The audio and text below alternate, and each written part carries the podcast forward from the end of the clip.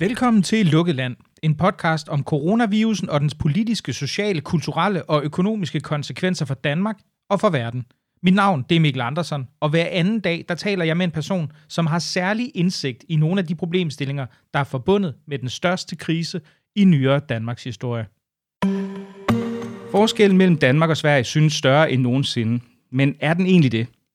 For selvom dødstallene desværre vokser markant hurtigere og mere på den anden side af Øresund, kan man så udlægge det som udtryk for, at man i Danmark har valgt en bedre strategi. Og hvorfor er situationen så forskellig i forhold til, at politikerne i Sverige retter sig efter eksperternes anbefalinger, mens de i Danmark går deres egne veje? Hvilke økonomiske tiltag har man taget i Sverige for at kompensere for krisen, og hvad med mediernes dækning? Hvordan adskiller den sig fra den danske? Alt det spørger jeg dagens gæst om, og han er dansk født, men han er i dag bosat i Malmø og medlem af Rigsdagen for det borgerlige Centerpartiet. Velkommen til, Niels På Petersen. Tusind tak. Jeg ved, du er oprindeligt fra, fra Vojens. Prøv lige at fortælle mig lidt om, øh, om din baggrund, og altså, hvordan kom du fra, fra Syddanmark og så til den svenske rigsdag? ja, men det er vel en, en lidt længere historie, men øh, jeg startede, det startede vel egentlig med, at jeg studerede i Aarhus, og så var jeg kæreste med en pige, der flyttede til øh, Københavnområdet, og så øh, flyttede jeg med, øh, og så var vi ikke sammen længere, og så mødte jeg en ny, som var fra Sverige, og så øh, af rent praktiske årsager, så blev det i Malmø i stedet for København. Hun havde en lejlighed, det havde jeg ikke. Øh, øh, og så derfor blev det Malmø. Og så øh, tænkte jeg så, at det her det er jo en interessant måde at lære, et, lære at kende et land på, er jo at blive lidt mere involveret i politikken. Så det prøvede jeg. Øh, ligesom at være med på forskellige møder og sådan noget. Så, ja, så stille og roligt, så tog det fart og kom med i bestyrelse og sådan noget, og blev kandidat og sådan noget. Så til sidst, så, ja, så i valg 2018, så blev jeg valgt til riksdagen. Så det var en veldig kort uh, sammenfatning her. det er helt okay. Øhm, og jeg ved, det er for, for, for det borgerlige Centerpartiet. Prøv lige for, for danske lyttere, som måske ikke er helt inde i det sådan svenske parlamentariske billede og partilandskab. Hvad, hvad er det for et parti, og hvor er det sådan placeret på det politiske spektrum? Hvad vil det eventuelt svare til i Danmark? Ja, altså det, vi er sådan lidt en blanding af radikale venstre og venstre, kan man sige. Vi har øh, landbruget fra venstre, og vi har, øh, hvad kan man sige, miljø og lignende fra øh, radikale venstre det er vel næsten den øh, nemmeste måde at sige det på. Så vi er stadigvæk, øh, altså radikale venstre er blevet meget et, et storbysparti, vi er stadigvæk øh, meget et landsbyparti, så, og i øjeblikket så er vi med til at styre, altså vi er det parti, der er med at styre i flest øh, kommuner og landsting, altså regioner i øh, Sverige overhovedet. Og så sidder vi jo som øh, et støtteparti øh, til den nuværende regering. Det, det, det, er, det er vældig meget ligesådan som øh, i Danmark med, at øh, vi er som de radikale støtteparti til en socialdemokratisk regering, hvor regeringen i Danmark eller i Sverige både er Miljøpartiet og Socialdemokraterne. Øh, men ellers den situation cirka. Ja, I vil også hoppet fra os, os sådan her for nylig, og, øh, hvis jeg husker rigtigt, at støtte, øh, hvad det hedder, den, den, det der vil være blå blok, og så til at nu at støtte altså den socialdemokratiske regering. Så der er vel også en fælles nævner i forhold til de radikale der? Ja, præcis. Præcis. Øh, nå, lad os lige prøve, jeg vil lige høre, øh, fordi man kan sige meget, meget, vi hører jo meget også i Danmark om, hvordan situationen er i Stockholm, som jo er sådan ligesom epicentret for, mm. for den svenske øh, coronasmitte, og som har, er meget hårdt ramt med omkring 1000 døde, måske lidt mere nu, det ved jeg ikke helt præcis, men, øh, men, men situationen i Skåne, altså det er jo sådan lige på den anden side af, af det er jo ikke mange kilometer fra, hvor jeg sidder her på Amager, øh, faktisk kun en, en, en lille tur op med, med E20 over broen, ikke? Øh, ja. Hvordan, øh, hvordan er situationen her? Ja, men der kan man sige, at altså, den ligner jo mere den danske. Altså i øjeblikket så er der, altså, der er færre dødsfald per indbygger, eller per 100.000 indbygger, eller man skal regne det, øh, i Skåne, end der er i Danmark. Øh, så Skåne ser bedre ud, og, og, og særligt ser det jo bedre ud. Det, det ligger antal dødsfald per indbygger er cirka halvdelen i Skåne i forhold til Sjælland. Øh, så, så her er det jo meget stabilt. Og der skal man jo have med, at Skåne har jo haft den her åbne taktik øh, eller strategi. Øh, præcis som Stockholm har haft. Det som, det, som man lykkedes med her, virker det som, at det har været bedre, men altså, man forventer sig her, at der kommer en top i maj, sandsynligvis. Øh, det er jo svært at vide med sikkerhed, naturligvis. Øh, men, og det, det er, at man lukkede øh, for besøgende til øh, plejehjem ret tidligt. Øh, det vil sige, at man har lykkedes med ikke at få så mange øh, ældre, øh, som er ramt og det håber vi jo kan fortsætte. Men det er, altså, det er, altså, der er jo en utrolig stor sikkerhed, usikkerhed i alle de her ting. Alting ændrer sig jo øh, løbende. Ja, og det skal også nævnes, altså det er jo en af de ting, som er ved den her virus, som, som jeg tror måske overrasker også mange. Ikke? Altså den har jo i øvrigt også i Danmark, men jeg forestiller mig i endnu højere grad end i Sverige, altså en meget stor geografisk, altså der er meget store geografiske forskel på distributionen, fordi man kan sige, jeres, når jeg sidder og kigger på tallene for, for Skåne, hvor der er omkring 21 indlagte på, på intensiv og 70 indlagte i alt og 648 smittet. Ikke? Det, er jo ikke, det, er jo, det er jo ikke voldsomt mange, så, så man kan sige, det er, jo, det er jo en helt anden situation, forestiller jeg mig, man, man må opleve her end, øh, end, end i Stockholm. Altså jeres hospitaler er vel ikke voldsomt presset heller? Nej, nej, nej, det er de ikke. Øh, og man kan sige, at det som er, altså den store forskel er jo, at Stockholm, de nåede jo ikke rigtig at forberede sig på samme måde, som resten af Sverige og nu også Danmark for eksempel har gjort. Så på den måde, altså, der måske det havde været godt for, for Stockholm, hvis, det, hvis man havde lukket alting ned, og så havde haft lidt tid til lige at forberede sig, inden det blev. For ja, altså, det, som man skal have med, det er jo, altså, der er jo en risiko for, at Danmark kommer til at møde nogle af de samme situationer, øh, når man åbner op igen. Og før eller senere bliver man nødt til at åbne op igen. Altså, hvad tænker du på? Hvad samme situationer? Nej, men med, at der er utrolig mange, der bliver syge på en gang. Øh, for det, altså, det, er, det er jo det, som alting har gået ud på. Det er jo bare, altså, det er jo delvis at, at se til, at folk ikke bliver syge, men også at se til, at det sprides over tid. Øh, og det har man ikke lykkedes øh, så godt med i Stockholm som i resten af landet. Øh, nu er der nogle len ved siden af len her, altså regioner ved siden af Stockholm, som også er ved at være lidt hårdt ramt endnu. Men der er jo ikke, altså der er ingen steder i Stockholm, er det jo heller ikke sådan, at alle IVA som det hedder, altså intensiv, øh, intensivpladser, er optaget. Der er stadig pladser til overs. Øh, og Sverige har jo også fordoblet antallet pladser, der er øh, under den her tid, hvor der har været corona. Så der gøres jo meget på alle fronter lige Ja, det må man jo sige. De fleste lande, eller en del lande har i hvert fald formået, inklusive Sverige, til øh, sætte ud til i, i, i nogen grad i hvert fald i, i vid udstrækning at kunne forøge deres intensiv kapacitet for at kunne komme med. Men jeg tænker på, at du sagde, eller du i hvert fald citerede fra i Berlinske den 5. april på et tidspunkt, hvor der var, der var cirka 500 døde i Sverige, at du var, du var stolt af den svenske tilgang. Er du stadig det nu knap tre uger senere, hvor tallet det nærmer sig 2200? Altså det, som jeg sagde, at jeg var stolt over, det er jo, at man ikke øh, har valgt øh, en linje, der er baseret på politik og om at se øh, kraftfuld ud, men at forsøge at lytte til, øh, til videnskaben og øh, gøre de bedste vurderinger efter det. Øh, også selvom alle andre gør noget andet. Og det synes jeg jo er, det synes jeg, man kan være stolt over, at man tør at vælge det, som forekommer at være det bedste valg, øh, selvom man ved, at man får kritik for det. Øh, for det kommer man naturligvis. Så snart man står øh, ud fra mængden, så får man øh, kritik. Og det er så klart endnu mere, når det er sådan noget her, hvor, øh, hvor der er øh, liv i spil. Øh, så, så det vil jeg sige, at det er jeg jo stadigvæk glad for, at man har gjort. Hvorvidt det er det rigtige, det vidste jeg ikke der, hvilket jeg også sagde. Og det ved jeg stadigvæk ikke. Der er jo to forskellige ting, øh, kan man sige. Hvorvidt man har lavet det rigtige valg, og hvorvidt man har lavet et valg ud fra de rigtige betingelser. Det er ikke altid det samme.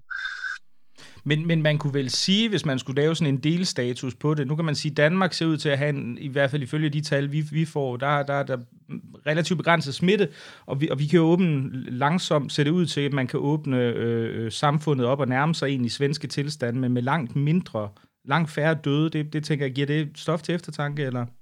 Ja, ja, naturligvis, og jeg vil sige, at, og det er det, der er vigtigt, det er jo, at altså, man, siger, man skal jo altid når det til de her ting og alt muligt andet, man skal jo altid være åben for, at der kan være andre ting, der er bedre. Og jeg, altså min indgang har hele tiden været, at jeg går ud fra, at det kommer til at vise sig, at nogle af de ting, som Sverige har gjort, har været forkert. Og jeg går ud fra, at der er nogle af de ting, som Danmark har gjort, som også viser sig at være forkert. Øh, og den her, noget af det, som øh, jeg tror er en væsentlig del i det, det er det der, som du også var inde på, at altså det er Folkehelsemyndigheden, som den hedder, altså Folkehelsemyndigheden, sund, altså det er jo sundhedsmyndigheden, men som har et bredere hvad kan man sige, øh, en, en bredere opgave end bare at kigge på smitten, som har haft ansvaret for det, og de har kigget utrolig meget på, jamen okay, hvis vi lukker skolen i en måned, hvad sker der så for folks sundhed? Hvis vi lukker arbejdsmarkedet i en måned, eller måske et halvt år, som det jo måske kan blive, hvad sker der så for folks sundhed? Så de har forsøgt at balancere det, og vidt de har øh, landet i den rigtige balance, altså det helt ærligt, jeg tror ikke, vi får det at vide på mange, mange måder, øh, i mange måneder, og måske får vi det aldrig at vide.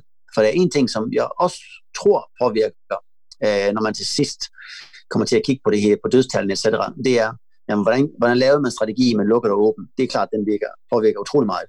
Men øh, sådan nogle ting som, at jamen, okay, men i Sverige har vi utrolig mange flere mennesker, der kommer fra øh, lande med, øh, anden, altså med, fra andre lande, øh, og som ikke er særlig dygtige til svensk, og som har en anden kultur. Øh, og det vi kunne se i de første øh, dødstal i hvert fald, det var jo, at, at i de grupper var der utrolig mange flere, der var døde end i andre. Øh, så det vil sige, at det er jo også noget, der, der naturligvis har påvirket, og det vi ved ikke, om man har taget tilstrækkeligt meget hensyn til i forhold til, hvad man måske skulle have gjort, men det er også noget, der gør, at, at tallene per indbygger i sig måske bliver sværere at øh, sammenligne, også når det hele det er forbi, altså hvis det nogensinde kommer forbi. Men i hvert fald de her mere kritiske perioder er forbi. Ja, altså man kan sige, det kom jo relativt tidligt frem i Sverige, at, at særligt somalier og syre, hvis jeg husker, var, var overrepræsenteret i forhold til folk, der var indlagte. Og det er først for nylig gået op for, eller er kommet frem i Danmark, at vi, altså vi har også nogle indvandrergrupper, der ser ud til, i hvert fald på baggrund af nogle rapporter fra Hvidovre, at, at der ser ud til at være en, en, en relativt stor overrepræsentation, mm. og det er, så, det er jo meget svært at sige, hvad det skyldes, om det der er tale om boligforhold, eller man kan sige kulturelle ja, ting, eller manglende information, det, det kan jo være mange muligheder der. Så. Ja. Jo, altså jeg tror, jo, det er en blanding af de sociale forhold. Altså bor man tættere, så er det jo klart, at det, der er en risiko der. Men det er også meget, altså det siger de jo, øh, altså de uh, somaliske foretrædere, etc., der var ude og snakke, de snakkede jo selv om at sige, at jamen det er, vi har det her med, at de gamle er på plejehjem, altså det er de ikke her. Altså vores gamle er ikke på plejehjem, de er hjemme i lejligheden. Og så er det klart, at jamen, så bliver de jo smittet øh, hvis børnene er i skolen. Så det, øh, så det er klart, at der er nogle forskellige ting, og hvis vi så har mange flere, jamen, så er det klart, at det påvirker dødstallene. Og det kan jo en gang imellem være mere end, hvad kan man sige, øh, en repræsentativt. Det kan også være meget mere end det, afhængig af, hvordan tallene ser ud. Så, det, så jeg, jeg tror, at inden vi rigtig kan sige, hvad der er hvad, så bliver man jo nødt til at analysere de her tal utrolig meget i dybden. Jeg, jeg ved, du har hørt nogle af, af de tidligere udsendelser af Lukket Land, i hvert fald det, den med øh, den, øh, den svenske, øh, svensk-kurdiske øh, nationaløkonom Tino Sanandashi, øh, og jeg antager, at du er lidt øh, uenig i nogle af hans øh, udlægninger af, hvorfor han fandt den, øh, den svenske tilgang øh, særdeles problematisk. Kan du, er det noget, du kan prøve at redegøre for? Jamen, altså, jeg synes, at det er rimeligt at være øh, skeptisk, når man ser, at øh, Sverige er et af de lande, hvor der, hvor der dør mange i forhold til indbyggertal. Især når man sammenligner med, med de nordiske naboer, som øh, Danmark og Sverige. Det har jeg øh, virkelig ikke noget imod. Derimod, øh, så er det jo, altså, øh, Tino og en del andre har jo en, altså, øh, en, en grundindstilling, hvor, hvor det eneste, man udtaler sig om, er at være skeptisk. øh, der findes jo mennesker, der arbejder med det. Øh, og det vil sige, at det, som er vigtigt, er jo at sige, ja, lad os, øh, jeg tror, det er vigtigt, at man lytter til den kritik, der kommer. Altså, øh, øh min opfatning er jo også, at Folkehelsemyndigheden har jo taget en del til sig. For eksempel, jeg har jo været sindssygt meget på dem omkring øh, forskellige sprog, at information bliver nødt til at blive bedre til at komme ud. Jeg kommer fra Malmø, hvor der er mange indbyggere, og de som kommer fra andre lande. Og når jeg har set den information, som er kommet ud, så, er det, så ser det ud som om, at det er en, en, øh, en statskundskaber, der har skrevet det. Altså for en for en lavudbildet svensk er det svært nok for at tage, tage sig til. For en menneske, der er ny i Sverige, er det næsten umuligt. Så, den, så det er klart, at der er masser af ting, der, så det er bare et lille eksempel. Så der er masser af ting, hvor, hvor, øh, hvor man kan være skeptisk. Og det tror jeg, det er godt, at det diskuteres. For altså, jeg, hvis der er noget, jeg ikke rigtig tror på, så er det, at der, der findes et monopol på, øh, på virkeligheden. Altså, jeg tror, jeg synes, det er super godt, at øh, Tino og de andre, de er, de er ude og forsøger at forklare, øh, hvordan de ser på det. Men det, som jeg synes er svært, det er, hvis man bare gør det til et spørgsmål om, at jamen, dem, der er lukket, de har færre, og dem, der har åbent, de har flere. Så ja, sådan er det. Men dem, der er lukket, de kommer til at åbne før eller senere. Men, men det, er jo, det, er jo det, det, er, det er vel så der, hvor man kan sige, jamen det er jo det, der ser ud til, og det er jo selvfølgelig alt for, for indeværende, så det er jo kun sådan en delstatus, vi kan gøre, en meget, meget forløbig delstatus. Altså, det er der ikke nogen tvivl om. Men man kan jo sige, at det ser ud som om, at, at Danmark har langsomt formået at bevæge sig mod stadig større åbenhed, uden, altså, uden at vi for indeværende i hvert fald ser nogen stor smittepukkel, også fordi det ser ud som om, at vi kombinerer det med det her kontakt- eller smittesporing, som, som der jo heller ikke ser ud til rigtigt at være nogen tiltag til i, i, i det svenske. Altså, så man kan jo sige, hvis man skulle være polemisk, kunne man jo sige, at Sverige jo risikerer at ende med det værste af begge verdener. Ikke? Altså en økonomi, der også bliver hårdt belastet, men samtidig også et relativt større antal døde end, end de andre nabolande. Sådan kan det være. Øh, men, og, og, det, og det er jo det, altså det er derfor, det er så vigtigt, at man diskuterer spørgsmålene jo. Altså den her, øh, der, er, der er mange, der, der prøver at gøre det til spørgsmål, om man ikke må debattere det her, men altså, det debatteres hele tiden. øh, så, hvad hedder det? Øh, men, og, og, og det er naturligt, det er jo en, en mulig risiko. Det man også kan se, det er jo, at den svenske økonomi kommer jo sandsynligvis ikke til at være lige så hårdt ramt som den danske og den norske. Altså når SCB, øh, som er svenske enskilde banker, hedder en af de største banker i Norden, de er underleverandører også til mange andre øh, kreditkort. I øh, Sverige er, er betalinger med kreditkort faldet med øh, nogle 20 procent. I Danmark og Norge med nogle 70 procent. Det er klart, at den økonomiske forskel kommer til at kunne mærkes. Så er det jo støtteordninger, som, som støtter op omkring det. Men det er et spørgsmål, hvis man skal køre, skal man køre det her i et halvt år? Altså det er også det er nogle af de her ting, som er, som gør det svært og som sikkert, når vi har facit til sidst, kan gøre det enkelt at se, men når man står og så her, for det er jo en af de ting, som, hvor, hvor Folkehelsemyndigheden var ude fra starten siger, jamen altså, vi kan ikke lukke skolerne i et halvt år. Altså det går ikke. Og nu, det, det var også det, Danmark kom frem til efter et tid, at okay, men efter en måned, nu bliver vi nødt til at lukke det op igen. Og så siger du, indtil videre, så ser det ud til at gå rimelig godt. Og det gør det jo. Men som sagt, Skåne har altså samme regler, fuldstændig samme regler som Stockholm. Og vi ligger altså under Sjælland og Danmark i øjeblikket. Om det kommer til at fortsætte sådan her, det kan jeg jo ikke vide. Men det, det mener altså, der er jo, så spørgsmålet er, altså, så, så det vil sige, at i Skåne, der har man kunnet have holdt økonomien i gang og have lavere smittespredning end på Sjælland. Det er, jo, det, er jo, det er jo et andet billede af det. Og det er jo den her, du var selv ind på det, det der med, at Sverige er et vældig, vældig, vældig, vældig stort land. Uh, jeg tror, jeg sagde til, de, til uh, Berlingske Tidene, at jamen, så vi har en kommune, der hedder Sorsele, der bor 3.000 indbyggere, den er dobbelt så stor som Fyn. Uh, det er klart, at lovgivning omkring, hvordan man skal betale sig, hvad det er for samme, altså hvad man, hvilke regler der skal gælde og sådan noget, altså det giver lidt, lidt mindre mening, når, når verden er så differentieret i, i Sverige i forhold til, hvordan det er i Danmark. Men man kan sige, at jeg, jeg har set, altså der, der pågår en stor diskussion, og den virker også meget centreret omkring Stockholm for indeværende, øh, altså hvor ja. politiet har været ude og give sådan nogle anmærkninger. Jeg ved ikke præcist, om det er bøder, eller hvad det egentlig er, men i hvert fald en slags meget kraftige henstillinger til, at de overholder de her retningslinjer for, hvordan servering må foregå på, på værtshuse og så videre. Ja. Øhm, er der en risiko for, jeg, kan, jeg ved også, at stadsledningen i Sverige har været ude at sige, at, man, at der kunne være en risiko for at stramme ind. Er der, er der nogen tegn på det? Er det noget, man overvejer? Ved du det? Ja, altså overvejelse er der hele tiden, at man siger, at det er jo, altså det er også vigtigt at tage med, altså der er jo allerede regler for, hvordan man skal, altså hvis man skal have bord, øh, bord på en restaurant og sådan noget, så skal der være et vis antal, altså afstand imellem dem, og man må ikke have, man, folk må ikke stå ved baren og sådan noget. Øh, så der er jo forskellige ting, der, der allerede er bestemt. Men ja, der har været meget, der har været, en, der har været mange historier omkring, øh, sådan, øh, altså nu her, hvor der har været godt vejr i nu, at folk de sidder især ved ude, de her udserveringer og sidder meget tæt. Det er ikke, jeg har ikke set det på restauranter indenfor, at det har været et problem, men men de udserveringer, det er vel det, som man påtaler. Øh, der kan man, altså, altså, jeg har snakket med mange folk, der har restauranter også, som jo øh, er irriteret over dem, der ikke øh, gør det rigtigt, men som også siger, at jamen, altså, mange af de billeder, der er taget, er jo taget fra siden. Det kan du også se, hvis du kigger på mange af de billeder, der er. De er taget fra siden. Og når de er taget fra siden, det ved alle, der har taget fotografier, så kan du ikke se afstanden.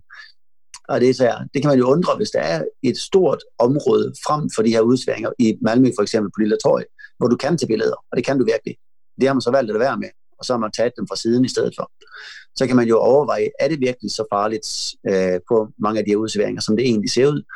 Øh, det er det jo ikke, men der er nogle af der er absolut øh, som ikke, altså restauranter, der ikke har levet efter reglerne, og det er der, hvor politiet, som du helt korrekt går ind og siger, øh, hvis ikke I sørger for at leve efter reglerne, så lukker vi jer.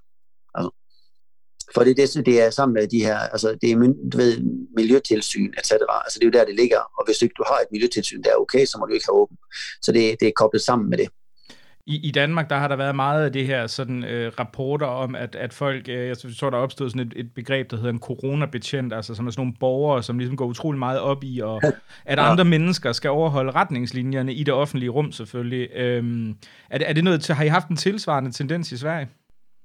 Jamen, altså, jeg tror, at der er jo mange mennesker, der går rundt og, og sørger for, at øh, så er, altså, jeg sidder her øh, med, med nogle gode venner, øh, og der, har, de, der snakker vi lige præcis om en historie med, at liksom, jamen, altså, var et, et, et ældre ægtepar, som når de var ude at handle, øh, så stod de, en af mine venner, gik helt tæt på hende, og hun var altså, jeg, jeg tror, det er godt, hvis I holder afstand. Men, øh, altså, så det, øh, der er jo, jeg tror, vi er mange, der sådan går, forsøger at holde reglerne, og også forsøger at hjælpe hinanden med at gøre det.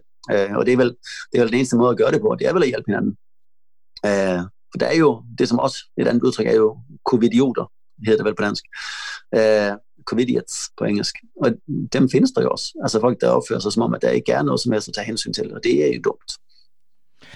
Jeg tænker, det, det er lidt pudsigt, at situation, altså det, den gamle sådan klassiske fordom om Sverige er jo, det er forbud Sverige, det er, det er sådan ligesom øh, det sted, hvor, hvor man ikke har den her sådan lette tilgang til livet og frisindet approach, ikke? Øh, med, i, i modsætning til os sådan mere hvad kan man sige, frisatte danskere, ikke? Men altså, nu er det jo altså Danmark, der er et land, der er så præget af sådan forbud og askese, hvor man ikke kan gå ud og købe sig en øl, mens det er Sverige, der satser sig på frivillighed og tillid til borgerne. Er, mm. er den her idé om forbud Sverige, den, øh, nu har du også boet over længe efterhånden, er det, er det uden at holde i virkeligheden, eller hvordan? Nej, altså, jeg ved, at øh, allerede, jeg arbejdede på Øresundsbroen et stykke tid, og der kiggede vi faktisk på det der, øh, der var nogle historier omkring det, at øh, Danmark har faktisk generelt flere regler omkring, øh, øh, altså begrænse menneskers øh, friheder, end hvad Sverige har. Øh, det, det, det, som er forskellen, er vel alkoholområdet, og det er vel ganske dominerende, så det er vel det, som har skabt mig det billede, tror jeg. Øh, at vi har systembolaget.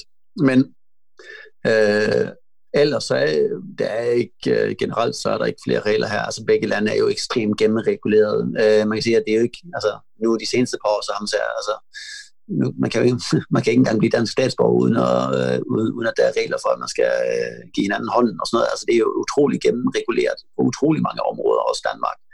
Øh, hvor netop omkring de her værditing, øh, og det er klart, at der er jo sindssygt meget på sundhedsområdet i begge lande, der reguleres, som det jo skal være.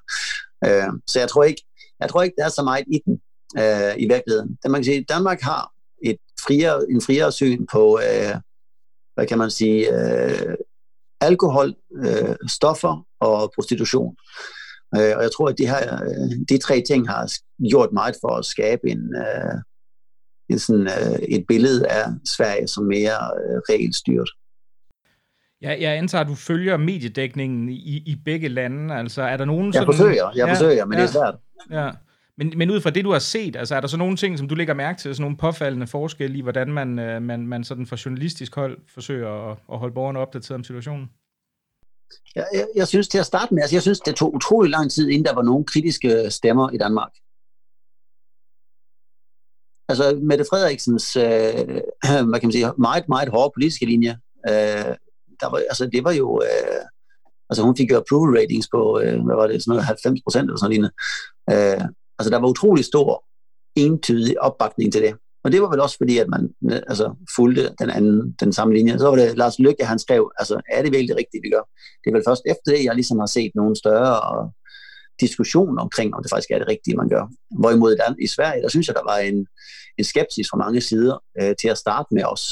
Øh, og der har været mange debatartikler, der har været en stor øh, der har været masser af forskere, som har skrevet debatartikler etc., og har været meget presset omkring det, hvor man øh, stiller spørgsmål ved Folkehelsemyndighedens linje, altså den officielle linje fra Sveriges side. Så jeg vil sige, at det virker som umiddelbart, så min opfattning er vel, at der har været en mere levende debat omkring, øh, hvad skal vi gøre, hvad er det rigtige at gøre øh, i Sverige. Men det kan også være, det er så enkelt som, at ja, men vi, vi står jo ud. altså, vi gør jo anderledes end de andre. Så, så det er klart, at det, det, det, er sådan, det, det, er let, altså, det bliver mere umiddelbart let at øh, stille spørgsmålstegn med en af de ting, som, som Tino Sanandashi han nævnte, han, han troede, der måske kunne være et problem, det var, at, at han mente, der kunne være en risiko for, at den her svenske tilgang, fordi den var blevet så tæt associeret med sådan, hvad kan man sige, næsten den svenske selvforståelse efterhånden, ikke? Og det er også noget, der er blevet publiceret vidt og bredt, øh, altså en, en, en svensk øh, direktør for Sundhedsmyndigheden, som er Anders Tegnell, at, at han skulle have siddet på, på CNN og, og internationale medier. Der er ikke nogen, der har forestillet sig for, for kort tid siden. Så, så Tino nævnte det her med, at han var nervøs for, at det kunne føre til en vis stedighed i forhold til at ændre kursen, hvis det viser sig nødvendigt, fordi det så vil blive opfattet som sådan en slags nederlag for ens selvforståelse. Tror du, der kan være noget om det?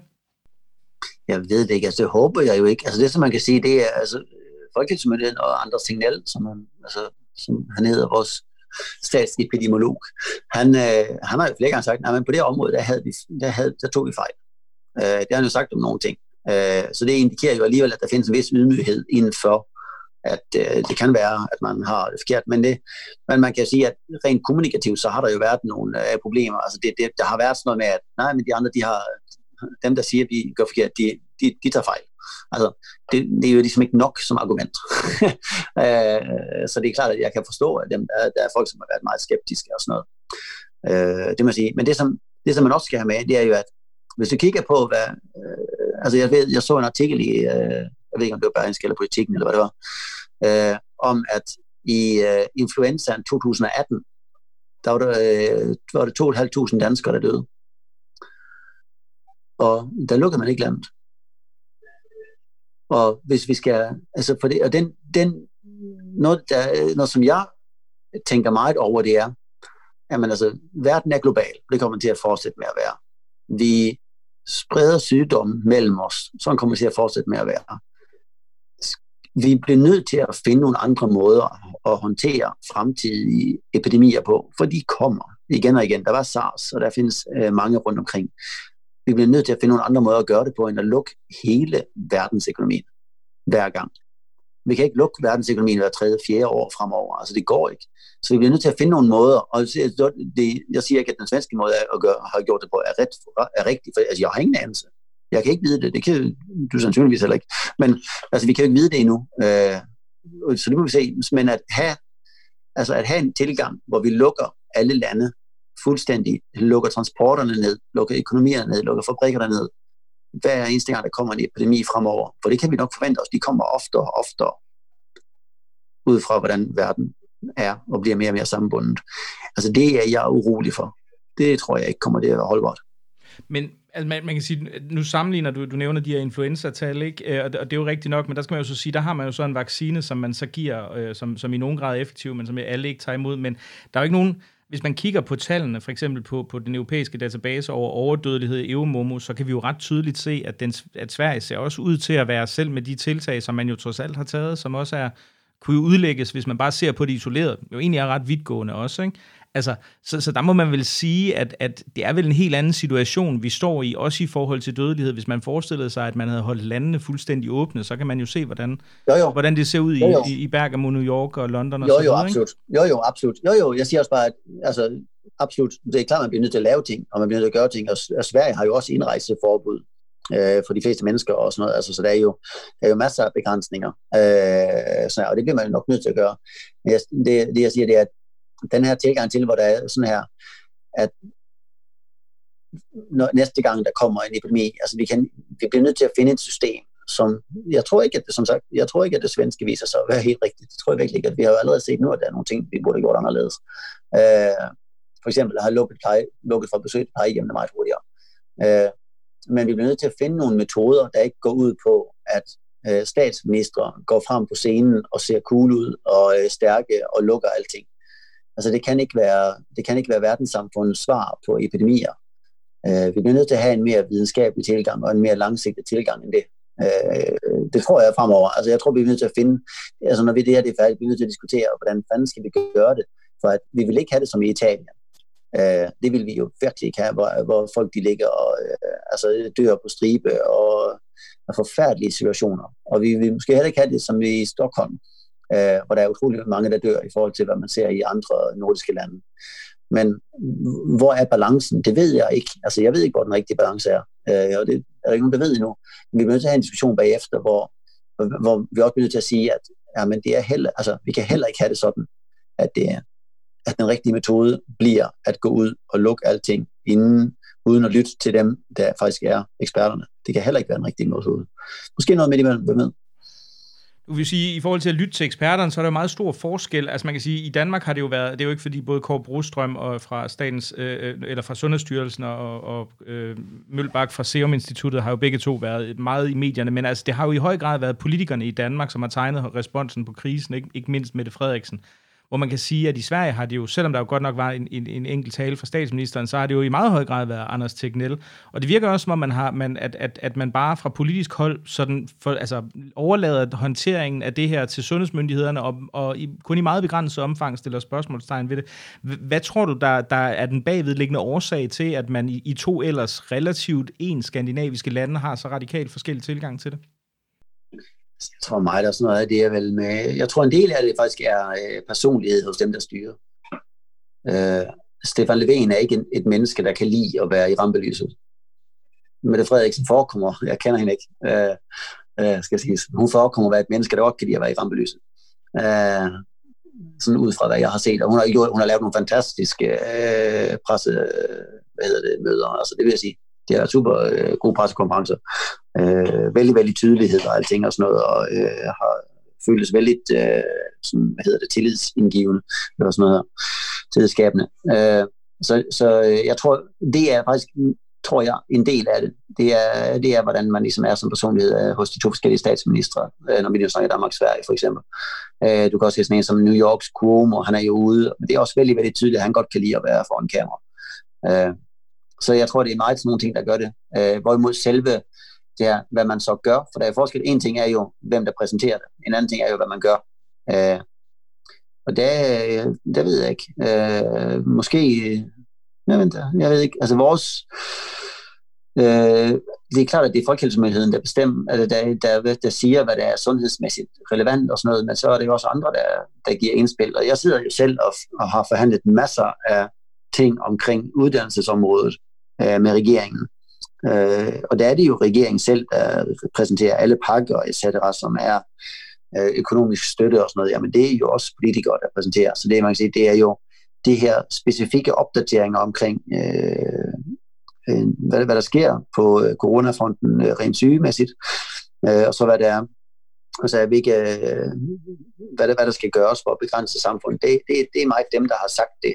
Men der har vi jo, vi har jo også haft politikere, der har været ude, også fra regeringen, som er ved at sige, og det har statsministeren også, at men nu lever I ikke efter de regler, som vi har sat, nu er vi nødt til at tage jer sammen og sådan noget. Men generelt så har det været dem, der har taget de dele. Nu, nu nævner du selv øh, hjælpepakker. Altså der kan man jo sige, at i Danmark har vi jo, har vi jo indført ret omfattende hjælpepakker til, til både til, med, med støtte til, til løn til lønmodtagere og ja, sågar freelancer og øh, virksomheder også sådan i, i en lang bred række sektorer. Hvad, hvad, hvad for nogle tiltag har man altså, indført i Sverige? Jeg tænker særligt i forhold til de her meget store svenske virksomheder, der er meget afhængige af eksporten. Der, må det, der forestiller jeg mig, at det må kunne ramme meget hårdt, uanset hvordan den svenske, eller den svenske politik jo ikke generelt er, fordi altså, hvis man er afhængig af omverdenen. Øhm, så så hvad, ja, ja. hvad gør man i forhold til det? Jamen altså, det, det man kan sige, det er så, altså, bare for, jeg tror, at man skal forstå det, jeg kommer til at sige, ud fra, at Sverige har været et land, der er bygget på store industrier, og Danmark er, bygget, er et land, der er bygget på små virksomheder og handel generelt. Vi har været et produktionsland, og øh, Danmark har været et handelsland, først og fremmest, og det er klart, det dækker ikke alt, men øh, og der kan man sige, at Sveriges pakker har været utrolig gode for den etablerede industri. Der har været forskellige lånemekanismer, der har været, øh, medarbejderen kan gå hjem, kan gå hjem fra øh, arbejde og øh, få basalt set samme løn. Jeg tror, den er nede på 93 procent eller sådan noget lignende, hvis, øh, i stort set uden at arbejde. Øh, og de kan uddanne sig imens, øh, og staten tager den største del af, af kagen, men ikke, ikke det hele og man kan ikke gå hjem med 100%. Vi har forstærket A-kassen øh, kraftigt og gjort det lettere at komme ind. Øh, sådan hvis folk de bliver opsagt, så bliver det lettere at komme ind. Men der, hvor Sverige har været for dårlig, hvor regeringen har været for dårlig, synes jeg, og hvor jeg har været hvor jeg har presset på hårdt, øh, både internt og hvor Centerpartiet nu også presser op vældig, vældig hårdt på regeringen og har gjort det et godt stykke tid. Det er i forhold til de små firmaer og sær, særlige restauranter, etc. For der er mange restauranter, de, har, de må jo have åbent, men der er, jo, der er jo mange færre, der kommer i forhold til tidligere. Øh, så jeg vil jo have et omsætningsbaseret støtte, en omsætningsbaseret støtte øh, i lighed med, øh, hvad hedder det, øh, det, med det danske. Og øh, der er vi ikke endnu, men det er vi snart. Øh, men det savner jeg. Det synes jeg, øh, det er, det er dårligt, at der for de små, meget hårdt ramte øh, danske virksomheder ikke er med. Og der, der vil jeg sige, at i Danmark, det virker som om, at øh, alle partierne har været med ind over pakkerne. Det har man ikke rigtig her. Der er det mere regeringen og øh, samarbejdspartierne, der har været med ind over. Øh, og, ja, og vi samarbejder med Socialdemokrater, og øh, Socialdemokrater har ikke været til der så dygtige til at se de små firmaer i, øh, i Sverige. Og her tillader jeg mig lige at afbryde programmet for en meget kort bemærkning. Lukket land er gratis, og det bliver det ved med at være, men jeg bruger en del tid på det, så hvis du kan lide det, du hører, så vil jeg sætte meget stor pris på et bidrag til mit arbejde med programmet. Du kan give et løbende bidrag per udsendelse, der altså faktureres hver gang, der kommer en ny udsendelse på lukketland.tier.dk, og tier, det staves 10er. Og vil du give et fast månedligt bidrag, ja, så kan du gøre det på patreon.com-lukketland, og Patreon, det staves P-A-T-R-E-O-N. Tusind tak for det, og i særdeleshed tak til alle dem, der allerede bidrager. Og så tilbage til programmet. Et, et aller sidste spørgsmål her, altså ud over hjælp til, til, til restauranter og, og mindre erhvervsdrivende. Hvad arbejder du så selv med øh, politisk her under krisen? Altså, nu, nu de, altså det er meget ud fra, øh, jeg har arbejdet hårdt for at få øh, information ud på mange forskellige sprog, ud fra at jeg kom fra Malmø, hvor der er mange forskellige sprog. Så har jeg lagt utrolig meget tid på at snakke med mange virksomheder og alle mulige forskellige, for der er mange af de ting, der sker, de pakker, der, der kommer, øh, og beslutninger, der sker for at begrænse ting og sager, som rammer folk på de mærkeligste måder.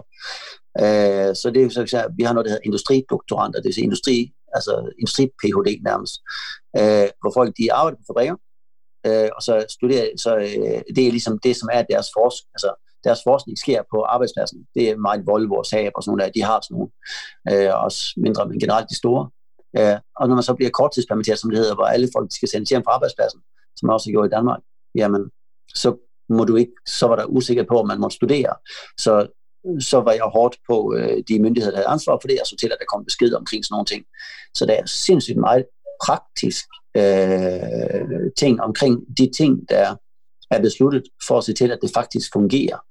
Øh, som, og så har jeg jo lagt meget tid på at snakke med folk omkring at få de her øh, omsætningsstøtter, som du snakker om. Og så, ja, altså, alt, der har været lavet på uddannelsesområdet, har jeg jo været inde over, for vi sidder og samarbejder med regeringen om det.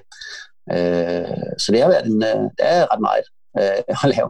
Øh, og så snakker jeg jo med mange organisationer, så jeg snakket med for eksempel med Sveriges elevorganisationer i dag og sådan noget. Jamen, hvordan påvirker det jer, og hvordan ser I det på det i forhold til at fejre, når I bliver studenter og sådan noget, altså når de bliver færdige. For der er diskussioner om det, om de må fejre eller ikke, og hvordan de vil gøre det. Så der er mange sådan nogle øh, forskellige ting, at forsøge at samle information ind, og så føre det videre ind i systemet. Det er meget som jeg lægger tid på. Niels Borg Petersen, medlem af den svenske rigsdag for øh, Centerpartiet. Tusind tak, fordi du vil medvirke i dag. Selv tak.